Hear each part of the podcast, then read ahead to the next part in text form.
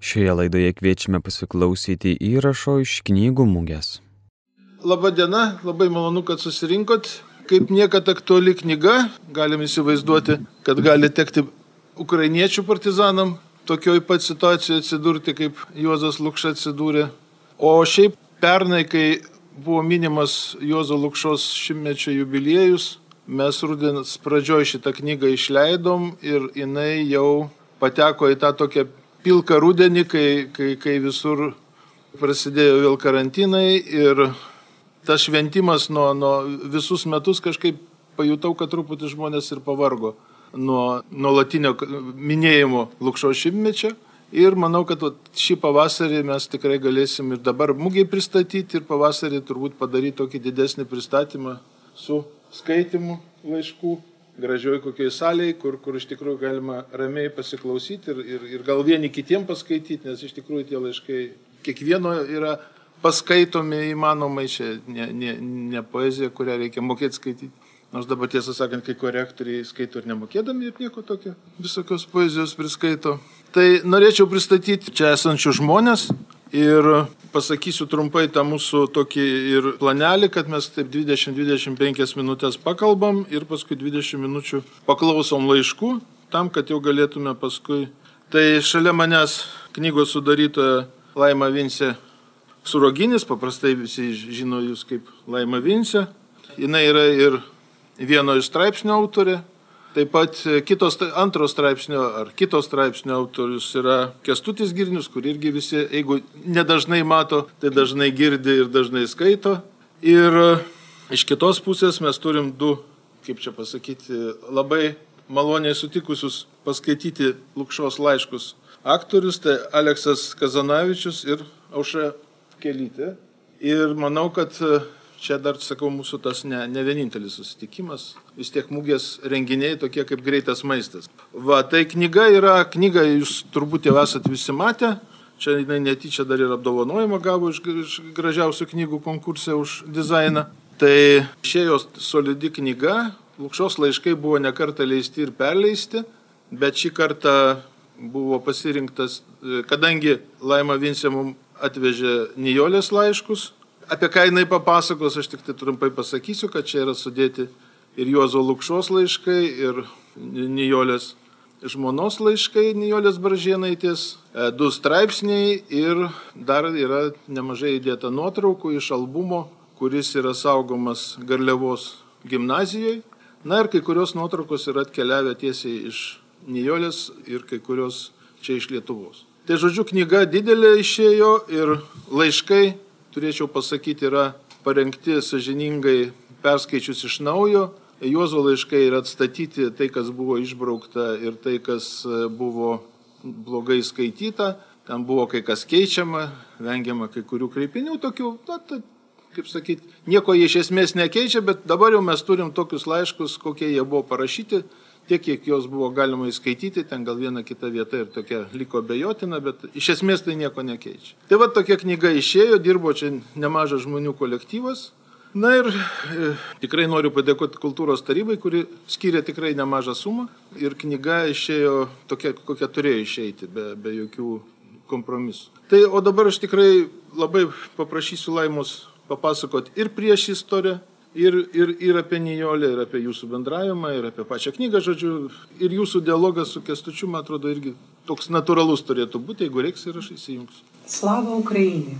Šita tema ir Jozo Lukša ir Nijolės istorija taip susigroja su ką mes šiandien išgyvenam Ukrainoje ir, ir stebėdami, kas vyks. Ir aš manau, kad dabar jūs visi galite įsivaizduoti šitos jaunos poros apsisprendimą, kad ne pasiaukoti Lietuvai. Jie savo, savo meilę, savo, savo ateitį pasiaukojo kovai Lietuvos nepriklausomybę. Ir aš manau, kad šiandien atsižvelgiant į įvykius, tai yra labai labai yra aktualu. Man yra labai malonu, kad šiandien mes įrašinėjom laidą Marijos radijai, nes Nioliai yra 98 metai Ir jinai kasdien klausosi Marijos radiją ir jinai mus išgirs. Ir tai yra labai malonu. Prieš istoriją šitos knygos, tai Iš tikrųjų, va, šita knyga gimė iš, sakyčiau, mūsų šeimos draugystė su Niolė. Niolė ir jos dvynė sesuo Vida nepriklausomybės laikais mokėsi Aušros gimnazijoje vienoje klasėje kartu su mano teta Elena Čiurlytė Barnet.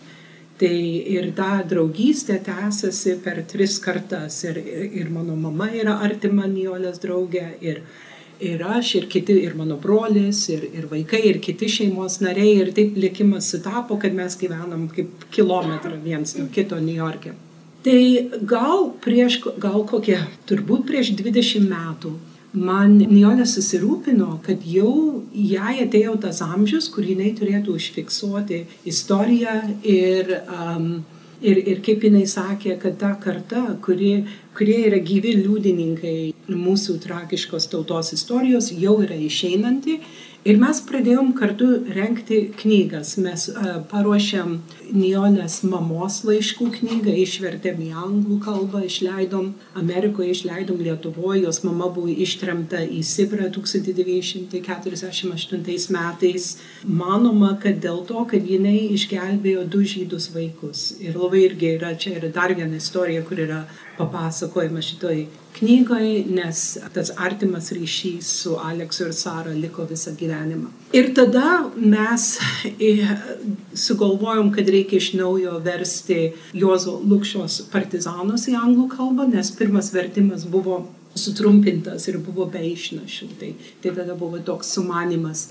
Ir tada aš pradėjau ruošti savo knygą, kuri Lietuvoje buvo išleista mūsų nepalaužė Almos literos, o anglų kalba Journey into the Backwaters of the Heart. Ir 2007 metais kartu su savo šeima aš atvykau į Lietuvą kaip Fulbrighto stipendininkė ir mes likom keturis metus ir per tos keturis metus aš važinėjau po Lietuvą, po Latviją ir rinkau ryšininkų moterų, partizanų kovo, kovotojų um, istorijas, tremtinių istorijas ir holokausto aukų istorijas. Ir, ir aš domėjausi moterių istorijom. Ir turbūt tuo pačiu metu mane vieną dieną Nijolė labai nustebino, nes um, aš sėdėjau pas ją namuose ir jinai staiga man sako, visi mano, kad mano meilės laiškai Jozui buvo sunaikinti, bet iš tikrųjų aš juos turiu, aš esu juos paslėpusi Ir aš tada labai nustebau. Ir jinai pasakojo, kad um, jai Jozas liepė sudeginti meilės laiškus, jo rašytus meilės laiškus jai,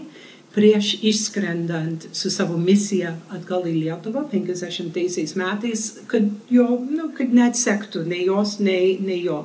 Ir jis jai pasakė, kad jis tuo pačiu sudegins jos laiškus. Ji negalėjo, jai ne, nekilo ranka jinai negalėjo jo meilės laiškų sudeginti. Jai tie laiškai buvo per daug brangus ir jinai juos paslėpė. Tuo pačiu metu Jozas prieš išskrisdamas į savo misiją taip pat negalėjo save prisiversti sudeginti jos meilės laiškus. Ir jis nubėgo prie sekretorės, kuri buvo Amerikos lietuvė, pirmos emigracijos, kuri neįdirba su žava ir buvo jų draugė ir jis suviniojo laiškus į rudą voką, raudonų pieštukų, užrašė lotynų kalbą noli tangerės ir kulos mėjos, nelieskit mano apskritimus, Archimedės žodžiai. Ir davė sekretorė ir prašė, kad jinai nuvažiuotų pas Nijolę ir ją atiduotų. Ir tokiu būdu sekretorė išsaugojo tos laiškus, atidavė Nijoliai, Nijoliai jai buvo per daug skaudu net skaityti savo laiškus ir Tikriausiai 2006 metais jinai man atidavė tos laiškus ir prašė, kad aš įsaugočiau, bet prašė mano pažado, kad aš niekam nesakyčiau, kad aš turiu. Ir jinai sako, galėsit publikuoti po mano mirties bet kol aš esu gyva, yra dėl šeimos, yra per daug sudėtinga ir, ir man per daug yra skaudu. Nu, prieš kelis metus jau mes su Nijolė pajutom, jau jinai turėjo rimtų iššūkų sveikatos ir pajutom, kad atėjo tas um, momentas, kada reikėtų laiškus išleisti ir jinai, jai buvo labai sunku paleisti laiškus iš savo rankų. Tikrai tai yra, jie yra labai intimus, jūs pamatysit, kai jūs perskaitysit. Bet man atrodo, kad profesorius Saulis Žėdinis geriausiai pasakė, apibūdino situaciją, nes aš irgi aš kreipiausi į jį sakau, aš nežinau, man, man biškai sąžinė, nežinau, kaip, kaip yra teisingai dabar etiška pasielgti, aš, ar, ar publikuoti jos laiškus kartu su Jozu, ar palikti ramybėje. Ir jis sakė, tu turi istorinę atsakomybę publikuoti jos laiškus, nes tie laiškai jau priklauso Lietuvai. Tai mes taip ir nusprendėm daryti. Tai ir, ir taip ir gimė šitą knygą. Ir aš turiu pasakyti, kad pati Nijolė labai aktyviai dalyvavo knygos kūrime, nes um, mano straipsnis iš tikrųjų yra sukurtas kartu su Nijolė. Per tuos du metus, kai mes rengėm šitą knygą, aš dažnai jai skambindavau, kartais vos ne kiekvieną vakarą. Ir jinai vis prisimindavo vis daugiau, daugiau detalių iš, iš to laikmečio, iš pokario papasakojo, aš jai skaitydavau, ką aš buvau parašiusi. Ir tada jinai, jeigu jinai, nu, kokią detalę jinai kartais pakeisdavo arba dar ko nors prisimindavo, jinai labai aktyviai dalyvavo tame procese. Ir, ir tai yra nuostabu, kad, kad būdama va, tokio garbaus amžiaus, kad jinai galėjo dalyvauti. Tai, tai, va, tai čia yra kaip, kaip nu, istorija, kaip gimė ta, ta knyga, jinai gimė iš sakyčiau, iš tokios meilės ir draugystės, bet pati knyga dabar yra tarsi Niolės dovana Lietuvai. Ir aš manau, kad šita knyga mums tarsi yra parama, kai mes dabar išgyvename ir išgyvensime panašius laikus kaip Juozas ir Niolė taip jau seniai, nu, prieš daugiau negu pusę šimtmečio. Ir aš norėčiau um, pakalbinti profesorių, jeigu jums nieko, nieko prieš, nes aš turiu keletą klausimų, apie kurias aš galvojau. Dar vienas dalykas, aš sakyčiau, kad šita knyga yra tokia kaip, kaip bendravimas tarp išeivijos lietuvių ir Lietuvos lietuviais, nes mes esam gimę ir augę Amerikoje, mes ateinam iš tos išeivijos, tai mes esam palikonys uh, tų karo pabėgėlių, kurie turėjo, buvo priversti trauktis iš Lietuvos karo, karo metais. Tai mūsų yra va, tarsi kartu su laiškais, su knyga, va, toks kaip ir, kaip ir sugrįžimas. Tai pirmas, aš turiu tris klausimus, tai gal aš pasakysiu visas tris ir tada jūs galėsite atsakyti, kaip jums atrodo geriausiai. Bet vienas dalykas man dažnai Nijolė yra sakiusi, kad jinai ir man atrodo ir Jozas bendravo pokarėje jaunystėje su jūsų teveliu. Ir jinai labai dažnai užsimindavo apie jūsų tevelį, apie jų bendravimą, kad jie buvo bendraminčiai ir užtat jai buvo labai svarbu ir jinai labai norėjo, kad būtent jūs parašytumėt straipsnį apie Juozą Lukšą knygai. Ir aš skaitydama jūsų straipsnį, neįlinį partizaną, aš pastebėjau, kad yra kelios ištraukos iš Jozo laiškų Vlikui, iš jūsų asmeninės archyvos. Tai Aš norėčiau jūsų paklausti, ar jūs galėtumėt papasakoti apie jūsų tevelio bendravimą su Jozo Lukšė, ką jūs gal žinot ar atsimenat. Ir tada kitas klausimas, kas man labai patiko ir buvo, man atrodo, labai svarbu, kad jūs savo įvedę paaiškinat, kodėl buvo svarbu partizanams likviduoti kolaborantus. Aš žinau, mums taip yra mūsų laikais, taip yra skaudu ir sunku apie tai net užsiminti ir galvoti, bet apie tą kolaboravimą. Bet jūs labai, labai įdomiai, protingai paaiškinat ir aš pati kažkaip tai susitaikiau su to, su to momentu, skaitydama jūsų straipsnį. Ir kitas dalykas, gal mano trečias klausimas būtų, kad labai dažnai apie Jozą Lukšą yra galvojama kaip romantiką ir idealistą, kad jis nelabai suprato, kur jis grįžta, kai jis 50-aisiais grįžta į sovietų okupuotą Lietuvą, kovoti už Lietuvos laisvę, kad gal jis buvo kažkoks idealistas, bet uh, jūsų uh, straipsnis įrodo, kad tikrai jis buvo, jis buvo idealistiškas žmogus, bet jis nebuvo romantikas, jis labai aiškiai žinojo, kur jis grįžta ir labai suvokė situaciją. Ir dar kitas dalykas, ką Nijolė man atskleidė per šitą bendravimą ir um, knygos paruošimą, kad jinai sakė, Jozas labai aiškiai žinojo, kad vakarai negelbės Lietuvos Ir būtent, nes jis buvo, jis vežė dokumentus ir jis buvo susitikęs su SŽV, su suvienytom tautom. Ir, ir jis, anot Niolės, jis grįžo į Lietuvą parvežti žinę, kovotojams, partizanams, kurie tebi kovoja, kad vakarai negelbės, kad Lietuva yra palikta viena, kad Lietuva turi stovėti už save, nes iki tol Lietuvos partizanai dar tikėjo Atlanto hartiją kuri Atlanto hartijoje yra parašyta, kad demokratiškas pasaulis apsaugos kraštus, kurie pasirenka savo suverenitetą ir savo demokratiją. Tai va tai čia buvo dar vienas dalykas apie tą, apie, apie tą mitą, kur yra sukurta, kad jis buvo romantikas, idealistas, bet iš tikrųjų mes matom, kad jis labai aiškiai, jis žinojo, jis suprato ir jis tikrai jo pasiaukojimas yra tuo labiau mums brangus mūsų, mūsų tautai greitosiomis. Mano tėvas nebuvo artimas Lukšos draugas, gal ne. vieną kitą kartą susitiko, aš nežinau, kaip Nijoliai ta mintis kilo, kad jie bendravo artimiau, bet, bet vis tiek tėvas aktyvus buvo Vokietijoje ir be abejo buvo apie jį girdėję. Kaip aš įsitraukiau, tai netiesiogiai mano tėvas gavo lukščio, dalį Lukščios archyvų, nemažą dalį, nes Lukščia išvykdamas Bački ir Brazaitė padarė savo įgaliotinėms. Tėvui, tėvui buvo paprašyta, kad tėvas parašytų Brazaičio monografiją ir tada pateko Lukščios archyv, dalis Lukščios archyvų mano tėvo rankas. Tėvas niekada neužbaigė tą darbą, aš beveik viską, viso tėvo archyvą atidaviau valstybiniam archyvui, bet aš šitus jos susirašinėjimus su Maceina ir tarp kito, ko tą, tą partizaninę medžiagą aš pas save laikiausi ir tada, kai staiga paprašė, kad aš parašyčiau, tai turėjau ko rašyti. Tai tik tai aš tikrai dar apie patį Lukšą, kaip po partizaną, šis buvo tikrai neįlinis partizanas, ta prasme, kad dauguma partizanų, kaip, kaip, kaip yra Manauskas Vanagas arba Žemaitis, jie, jie, jie vienoje apygardoje visą laiką buvo, kilo, taip, vadovavo rinktiniai, vadovavo didesniam vienetui, o Lukša buvo, tai darė truputį dirbtinai buvo tauro apygardoje, bet tenai vos 15 mėnesių ir jis rūpinosi trimis reikalais, jis labai rūpinosi spauda ir rašymu ir tie, tie, tie atsiminimai buvo parašyti, vos jis atvyko į vakarus, tu štai jau pradėjau juos rašyti ir čia ilgą laiką buvo pagrindinis šaltinis apie gyvenimą, partizanavimą, antras jo tikslas buvo, jis dalyvavo partizanų vadovybės kūrime, pirmose stadijose, kaip išaiškėjo Markulių išdavystė, tai jis vis dėlto argumentavo, kad reikia toliau tęsti. Ir ilgą ilgainiui buvo sukurta ta, ta aukščiausia vadovybė, bet dėja 49 metų vasario mėnesį, kai jau vadovai neturėjo daug kam ir vadovauti, nes dauguma kalinių jau buvo nusilpę, o trečias jų vaidmuo, gal be nesvarbiausias vaidmuo, buvo kaip kurjeris į vakarus, kur tai padėjo, paaiškino tą tikrąją padėtį, išaiškino kai kurias klastotis ir šiek tiek sutvarkė santykius tarp tų, tų besiginčiančių išeivijus organizacijų, nors negalutinai.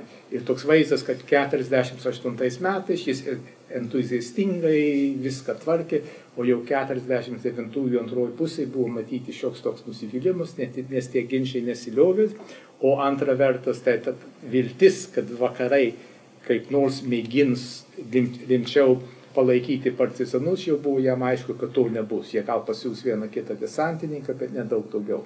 Dabar labai greitosiams apie tą kolaborantų naikinimą arba mėginimas, tai, kad jie neįsiveistų, labai paprastas dalykas. Jeigu būtų stribai visi panaikinti, nieko nebūtų pakitę. Būtų rusų garnizonai sustiprinti, būtų pasiūsti daugiau karių, gal ir atsirastų vienas kitas žmogus, kur vėl įstotų į stribus. Rusijai, sovietų valdžios pagrindinis tikslas buvo pakeisti Lietuvos gyvenimą. Totaliai. Ir visuomeninį gyvenimą, ir politinį gyvenimą, ir ūkinį gyvenimą ir panašiai. Patys rusai to negalėjo daryti, galėjo daryti tik tai tie žmonės, kurie juos talkino. Jei tu galėtum sustabdyti tos žmonės, kurie bandė pertvarkyti tą Lietuvą, tai tada galėtum sustabdyti tą, tą, tą, tą pertvarką, tą Lietuvos pakeitimą, nes dar ilgą laiką buvo tikimasi, kad čia yra tik tai 3-4 metų klausimas, po 3-4 metų klausimas ateis vakarai, tai mes norim išlaikyti tą nepriklausomos Lietuvos visuomeninę, religinę, literatūrinę ir kitą sanklodą. Tai todėl buvo šioks toks taikinys, tai taikiniai buvo tie kolaborantai ir tas pas buvo irgi kai, kai, kai, kai, kai žmonės priešinosi naciams net ir vakarų Europoje. Buvo taikomi nužudyti ne vokiečiai, bet kolaborantai, nes kolaborantai buvo tie, kur vykdė nurodymus ir niekas kitas negalėjo juos pakeisti. Tai koks tas paskutinis klausimas? Man atrodo, kad jūs viską atsakėte. Gal yra iš auditorijos klausimų, gal norėtumėt ko nors paklausti. Taip. Man atrodo, kad byloj buvo, dėl, dėl jinai buvo itin stipri krikščionė, katalikė ir, ir aktyvi. Ir man atrodo, kad čia buvo oficialioji, um, oficiali, nu, taip priežastis. Tačiau, kaip yra manoma, čia yra tik manoma, kad buvo tokia galvosena sovietų, kad tie žmonės, kurie turėjo drąsos ir principų ir įsitikinimų priešintis vokiečiams, bus tokie problematiški ir pasipriešins rusams. Kad čia buvo irgi dalis va to. Jo, na tai tada mes dabar persireikysim. Gal trumpai dar irgi šiek tokie pamastymai apie šitą knygą, apie bendrą situaciją, kurioje jie gyveno Juozas Lukša Domantas ir Nijolė Gražienaitė. Skaitant laiškus, man pasirodė, kad tai buvo labai intensyvus jų gyvenimo periodas ir stebėtinai intensyvus. Jie rašė beveik kasdien vienas kitam, būdamas turi vienas nuo kito. Tai, nu, tai skamba neįtikėtinai. Ir turint omeny, kokį jie gyveno politinį gyvenimą, turint omeny kontekstą visą, tai, tai tiesiog labai graži meilės istorija, kuri dėja labai trumpa ir galbūt ačiū Dievui, kad jie yra išlikus laiškuose. Ir mes prieš pusantro ar du mėnesius pradėjom skaityti tos laiškus, jau tada jie sunkiai skaitės. Bet šios dienos kontekste juos skaityti labai sunku ir pabandysim perskaityti ir atleiskite, jeigu bus kažkokių tai strigimų. Brendu rodos namie su keletu draugų per gilų, gilų pavasario dumblą. Pats vidurnaktis. Šaltas lietus plaka mūsų perkryptas, išvargusias figūras. Mūsų džiaugsmui pagaliau prieartėjom prie pažįstamo miško, kurio pakraštyje rymojo keletas sukrypusių trobelių. Atrodė, kad čia ir nuovargio ir šalčio mažiau. Pro pirmąją bakūžę praslenkant pakvipo rožės. Aš atsiskyriau per keletą metrų nuo draugų ir atsidūriau prie rožių su mintimi, kad dabar tai priskinsiu, kad nei trejetą indų tu nesutalpinsi. Prie rožių viršūnių buvo baltų alyvų kekės. Prilipė. Prilaužiau pilną glėbį ir skubu link draugų. Pačioj pamiškiai susitinku mamą, kuri ir sako, nu, Jozuk, ką tu čia įsigalvoji su tom rožėm? Meskės, o laikyk rankose automatą paruošęs, kad iš miško negautum švino. Tai keistokas sapnas, kurio prasmės aš pilnai nesugebu suvokti. Matai, neliuk. Jeigu tu net ir mano mama rado reikalų įsikišti, nors ir sapne. Paryžius 1949 m. vasario 16. Mano brangioji Niliuk, nežinau ar ir tu šią valandą skendi tokiam nikume kaip ir aš. Ieškau ir nesuprantu nei kaltininko, nei atsakymo. Kodėl aš šiandien čia, o ne ten, kur jau privalau būti. Metai sukaupu nežinios kankina mano sąžinę. Metai sukaupu, kai paskutinius savo pėdsakus palikau krūvinos tėvinis dirvonos. Metai sukaupu, kai akis akin nematau kryžiuojamus, numylėtus mūsų Lietuvos. Metai sukaupu, kai tiesiog negirdžiau klykiančių skausmo rautų. Šie metai sukaupu, tai tiesiog jau suspėjau iš daugelio mano geriausių draugų pareikalauti nemirtingos mirties metai sukaupu, kai aš nedalyvauju anoj mirties ir gyvybės procesijoje, kartu su gausiais tūkstančiais taurių lietuvių. Perkošiu mintimis jo penktų metų krauju įmirkusius apkasus. Prisimenu ilgas galerijas mirtimi paženklintų draugų ir gyvent norėdamas. O trokštų iš savo kaulus matyti besirikiuojančias tarp anų sukryžiuotų greučių. Tik gaila to, kas nebaigta pasiekti. Tai iš jos vasario 16 proga. T. Juozis pase. Atleisk už tokį laišką ir taip prikeverzota, pati kalta, nes per daug man patinki.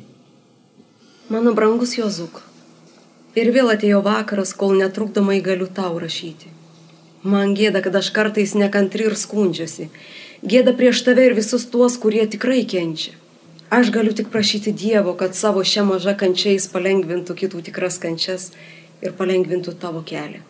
Kai maniau turinti apsiprasti su tą mintim, kad greit tavęs nebepamatysiu, prisiminiau, kad tau tiek mažą pasakiau. Ir taip norėjau nors trumpai minutiai tave pamatyti. Tačiau tikėjau, kad tu jutai, su kokiom mintim lydžiu tave ir kaip noriu draugė su tavim bučiuoti taip seniai matytą žemę. Tu ateidavai pas mane su mintim, kad ilgą laiką nebesimatysim ir mūdu vis kalbėdavomės apie viską, tik ne apie tai, kas buvo šventa ir skaudu. Gal ir gerai taip. Juk viskas aišku. Ir tau, ir man. Šiandien viena mano pažįstama prancūzė atnešė man tulpių vasario 16 dienos progą. Vis dėlto yra nemaža supratlyvų žmonių jų tarpe. Saulė švietė tikrai pavasariškai ir aš maldžiau savo siūtą. Labanakt, mano Juzuku, tavo Nėlė. Mano brangi svajonė, su tavais linkėjimais palydėtas, jau topiu Paryžiuje. Tik keliasdešimčiai metrų nuo sanatorijos atitolus, pilnai pajutau iš tavęs patirtos laimės alsavimus ir tų keturių dienų nesiderinamumą su kasdieninė aplinka. O kaip norėčiau dar bent trumpai akimirkai išsibrauti iš tų mano keliasdešimties žmonių minios ir vėl sugrįžti pas tave mano gyvenimo saulė, klajoti granitus tinkstančiais vyždžiais, ponas akim nepasiekiamas amžino sniego tolymės, dviese pajusti vieną netidalomą. Tačiau tau aukse yra žinoma mano neištikimybė. Savo sielą palikęs klajoti puikios, kurio rankus sukurtuos kalnagbriuos Aš privalėjau skubėti su meilė triūsti savo pirmąjį numylėtiniai. Visą kelią jaučiau vis labiau ir labiau kažkokios kurtumos slegiamą sielą. Kurtumos, kuri buvo labai ir labai negailestinga. Kodėl Niliuk laimė yra taip sunkiai pasiekiama? Gal tik todėl, kad ji laimė vadinama. Dėkoju tūkstančius kartų už suteikimą progos man su tavim pabuvoti.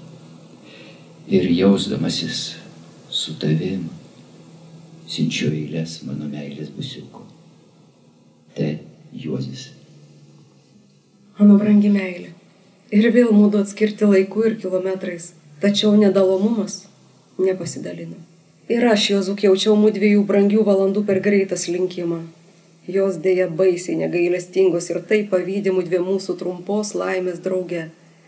Dar tau nespėjus išvažiuoti jaučiau su pralekančio minutėm artėjančią nykumą. Tačiau toj nykumoji dar glūdi tu pats. Kiekvienas tavo alsavimas, judesys. Jaučiau ir tave patį visai čia pat, lyg būtum tik trumpam kažkur pasislėpęs. Esu tikra, Jozu, kad tik tu gali įgalinti mane ir mūdu būti laimingais. O kuo sunkiau yra ta laimė pasiekiama, tuo jį darosi brangesnė ir nieko kitų nepamainoma. Norėčiau galėt pavydėti mano brangiai konkurentiai, tavo pirmai numylėtai. Tačiau per daug ją myliu, kad kovočiau prieš ją. Ji daro viską nepaprastą mūdviejų meiliai. Ja gilina. Tačiau savo kančiomis save pastato aukščiau už viską. Ir jos mes negalim atsisakyti. Todėl ir mūdviejų laimė negali stovėti aukščiau už josios laimę. Primk mano pilnos meilės busikus ir tau siunčiama mano visą sielą. Tavo myli. Mano myliuk.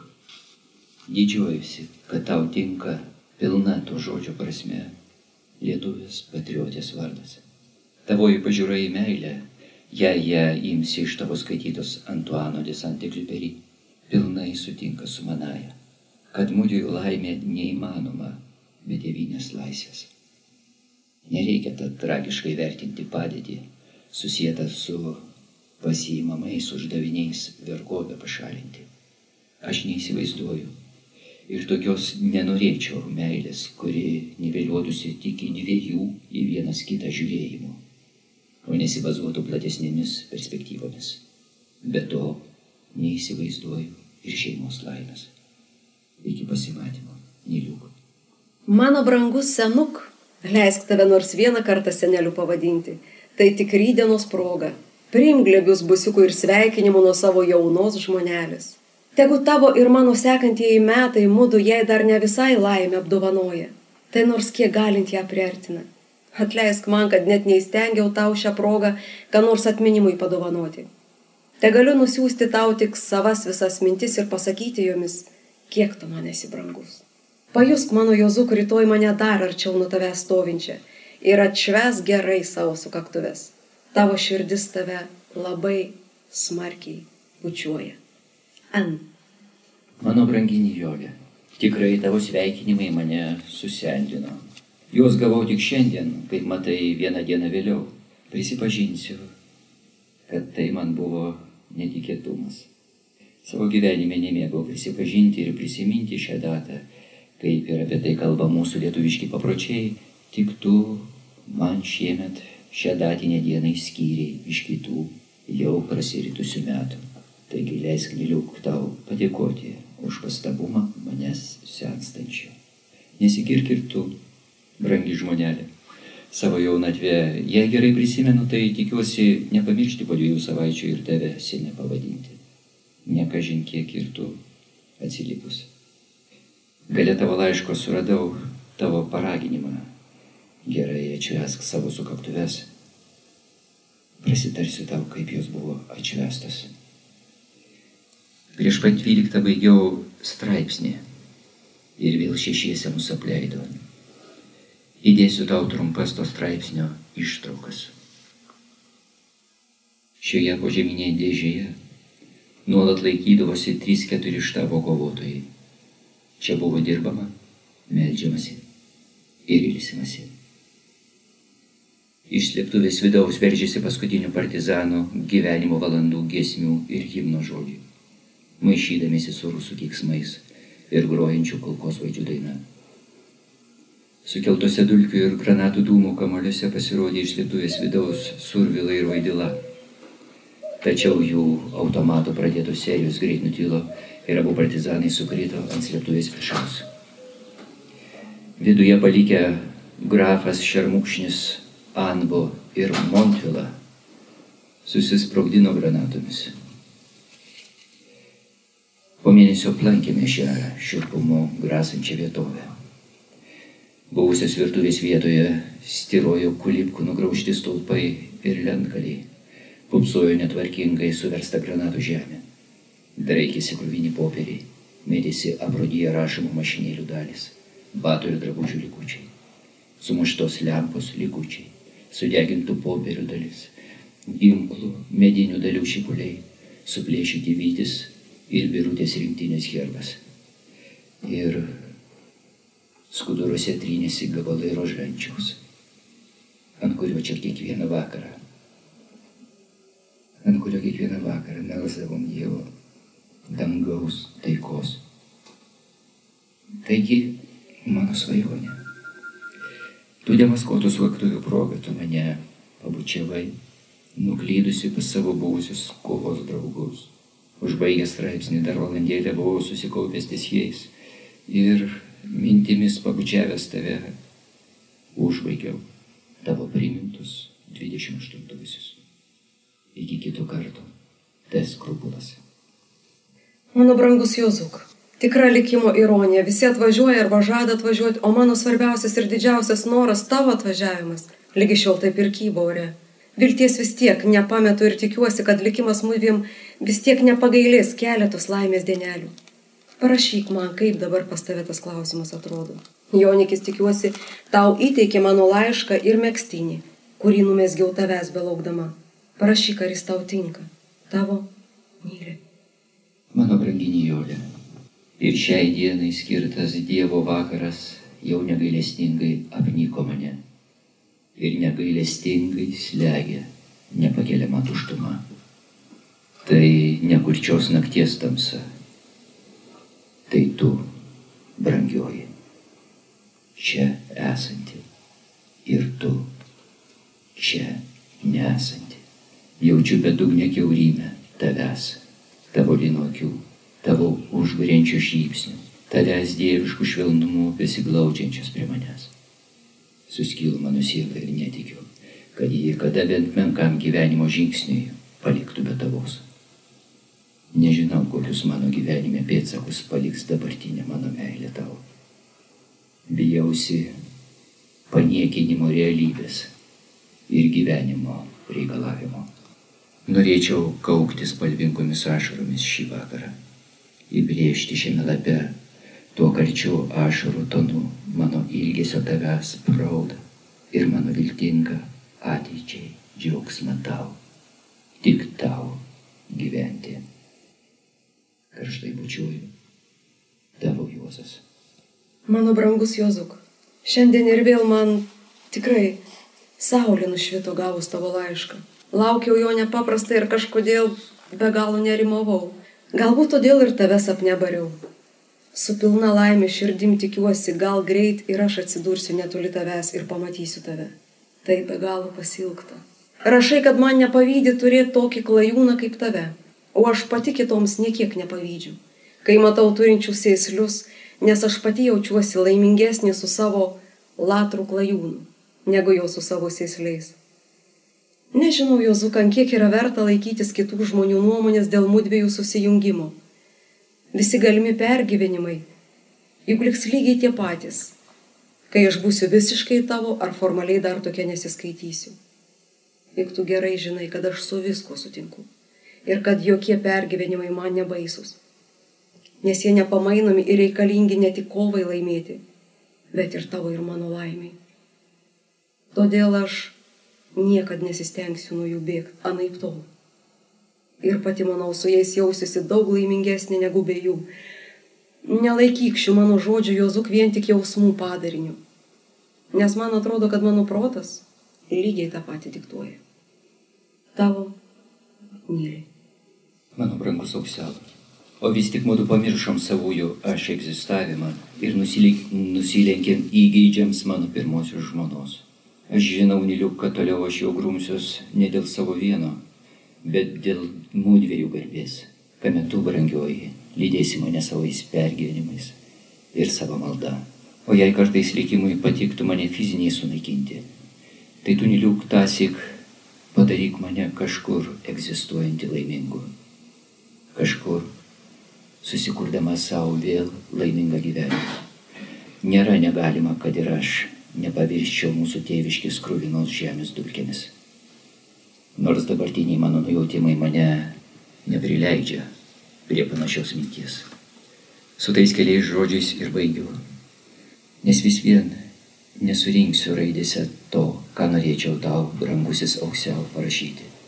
Ne man išreikšti mano dienas tavimi nudažytas, kaip ir šiais negyvais žodžiais, numarinti savai ilgesi tavęs ir laiko, ir tolio atstumai, bei padėties klaikumas mane dar labiau su tavim suglaudins.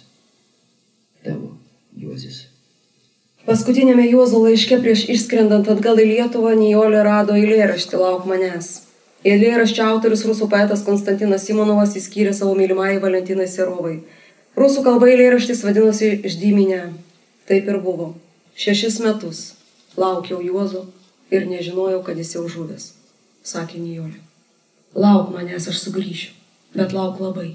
Laukai lietus krenta pilkas, liūdnas ir sunkus. Laukai sniego audros dūksta ir kai vasara sužėri. Lauk, kai kiti jau seniai nuo laukimo pavargo. Laukai iš toli tavęs laiškas nepasiekia ir kai nieks daugiau šioj žemėje laukti nebegali. Laidoje klausėmės įrašo iš knygų mugės. Likite su Marijos radiju.